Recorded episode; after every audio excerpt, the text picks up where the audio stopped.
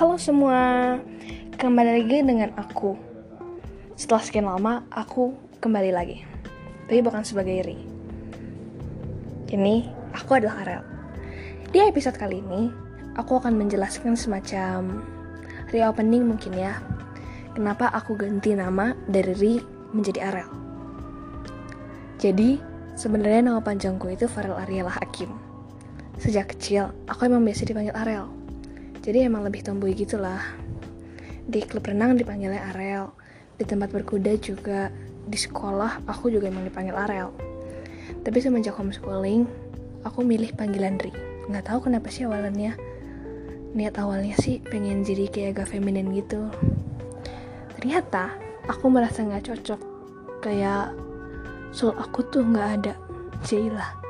Jadi saat ini, saat mulai di Abihum, aku mulai dipanggil Arel lagi. So, aku harap aku bisa bermanfaat untuk kalian semua.